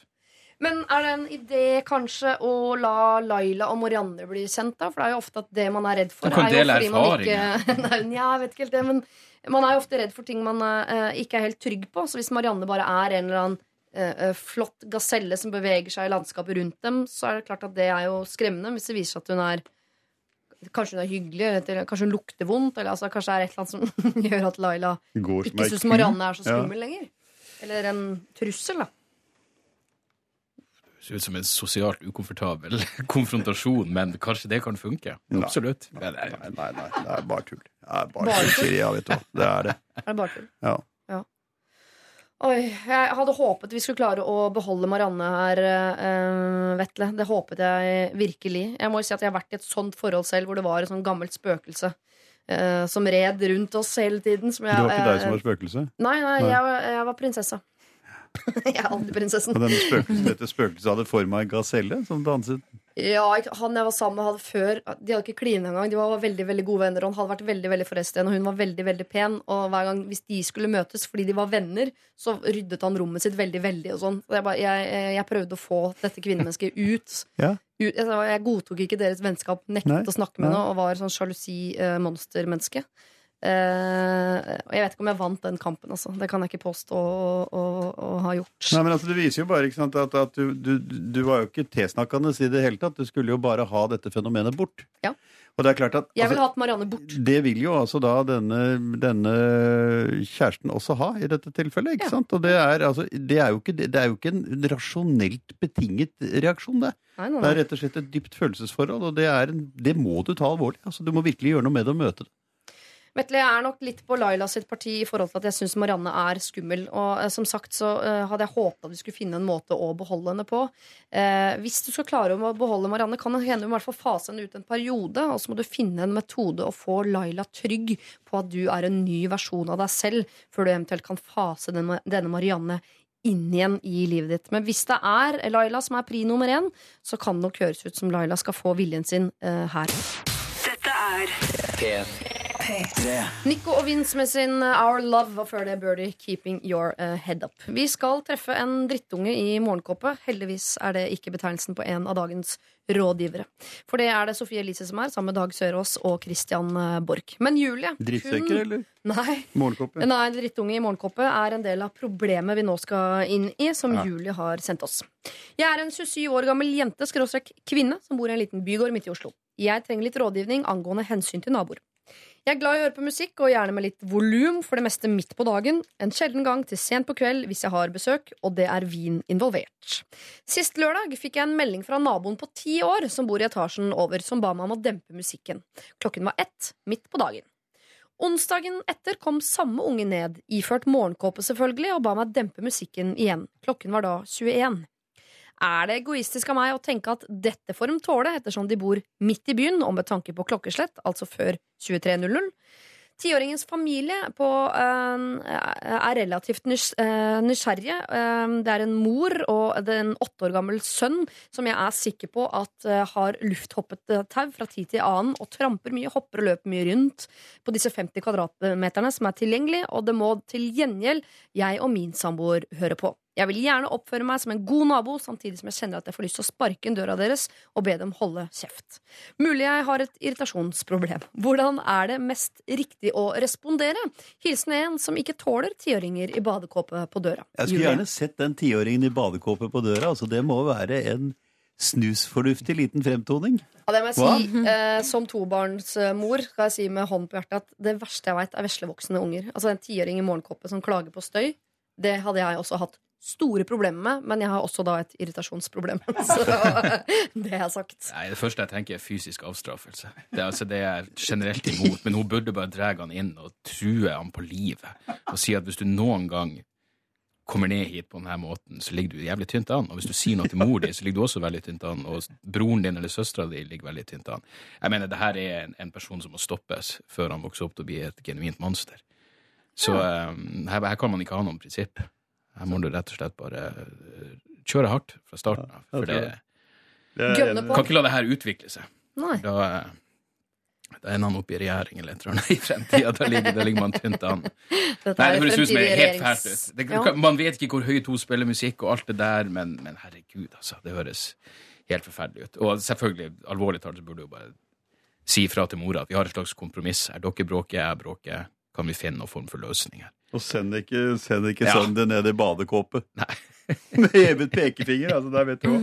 Nei, Nei, det der, der må hun det, Nei, jeg er helt enig. Hun må bare gjøre noe. Hun må ikke tale om Hun må ikke bøye seg en millimeter. Tenker du her Jeg synes det høres ut som du Kristian, tenker at her er foreldre som har sendt ned tiåringen sin. Ja, jeg kan sin ikke forestille meg at en tiåring finner på det der selv. gjør det? Det må ha vært moren som sier deg gå nå ned, du. Jeg tør liksom ikke. på en Men måte. da- Det er ingen som tør å kjefte på deg vet du, når du kommer ned der med nydelige lokkene dine. Den søte Men jeg morgenkåpa. syns fortsatt at, at fysisk avstraffing er på sin plass om man så blir tvungen av mora mot sin vilje. Bare for å for å sende sende et signal til mora også. Ja. For det er jo veldig vanlig, Vi tar jo for oss en del støyproblematikk her i Lørdagsrådet. Det Ja, vi gjør det. det hørtes utrolig snorkete snork ut, men vi gjør nå en gang det. Eh, Men det er liksom oftest de som eh, syns at naboen bråker, som sender inn problemet. Eh, Det har jo da denne ikke tiåringen eh, gjort. Men når vi nå er på andre siden av veggen, eh, og inne på den sida hvor det er bråk dere, så syns dere, vi- for Som oftest syns vi at de som bråker, må slutte å bråke. Men når vi nå er på den andre siden, så mener vi at de som bråker, skal fortsette å bråke. Altså, tidspunktet på døgnet er jo mener Hadde hun holdt på med dette klokken ett om natten, så hadde jeg ikke da hadde for så vidt vært enig i at hun burde dempet seg på en måte og sagt det til henne. Skjønt jeg ville jo i hvert fall ikke dempet meg hvis det var en tiåring i morgenkoppet som kom ned og forsøkte å fortelle meg hvor David kjøpte øl. Altså. Men eh, det, er jo, det er jo om formiddagen. Baby Ja, Den ene dagen her så var det klokka 21. Da, da har jo tiåringer ofte lagt seg. Vil jeg tro. Ikke det han der snusfornuftige krabaten der, tror jeg. Nei. Ja, han har tatt Han en sitter liten bil midt på dagen. Han, Nei, han, ja, ja, sånn han, sitter nok oppe og leser Webster Dictionary på- eller noe sånt. Ja. Ja, Mm. Sjokoladesigaretter. Er du enig med eh, gutta her, Sofie Elise? At her må, eh, må man fysisk avstraffe denne ti år gamle Jeg er ikke enig i det med fysisk avstraffelse. akkurat sånn Hvis det på en måte gir, gir han juling på baken med spanskrør, for det, det er jeg imot, altså prinsipielt. Men at han bør få en eh, kraftig en absolutt umiskjennelig sperregrense satt opp foran seg, da, for å si det på den måten. Kan du klare her å, å, å støtte denne tiåringen, Sofie Elise, eller er du på de voksnes parti? Jeg er på de voksnes parti eh, fordi jeg også er bråkmakeren i mitt borettslag. Men også før klokka 23 så syns jeg faktisk alt går. Da er det greit uansett. Hva er det du bråker med? Musikk, eller? Ja. Før klokka 23. Da, da er det greit, liksom.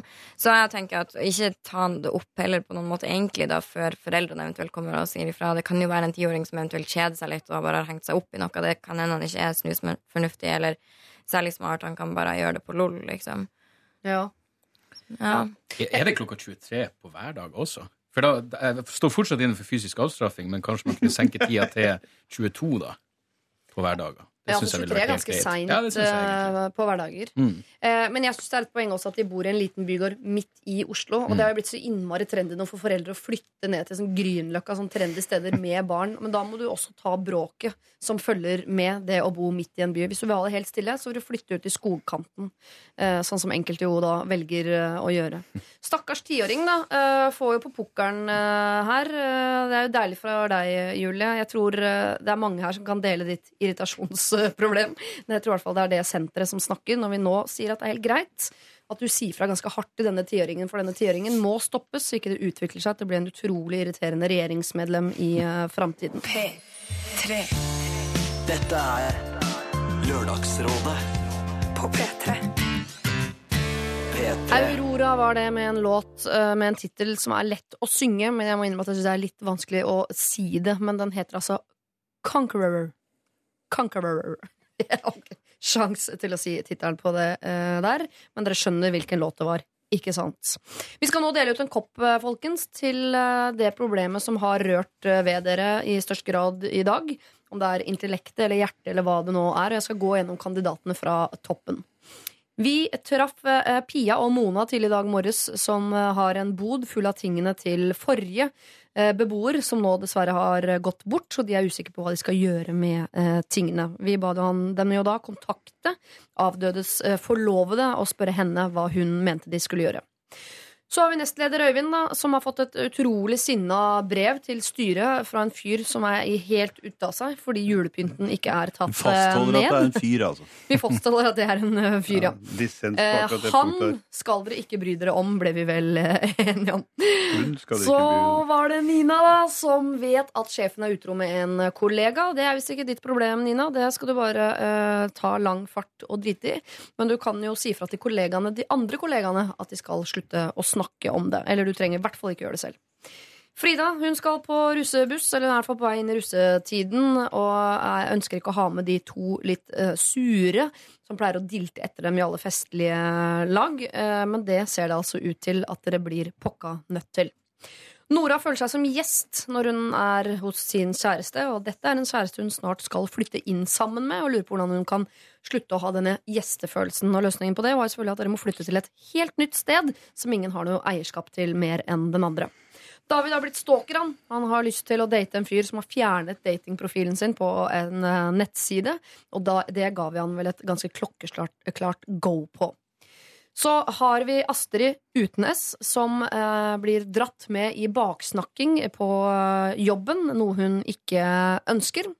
Vetle han er tidligere rundbrenner, eh, men eh, nå vil han få sagt fra til sin kjæreste Laila at hun er pri nummer én, og i det regnskapet der så er jeg redd at Marianne, pri nummer to, røyk altså. Til slutt her så har vi blitt eh, noenlunde kjent med en eh, drittunge på ti år iført morgenkåpe som klager på høy musikk før klokken 11 om eh, kvelden.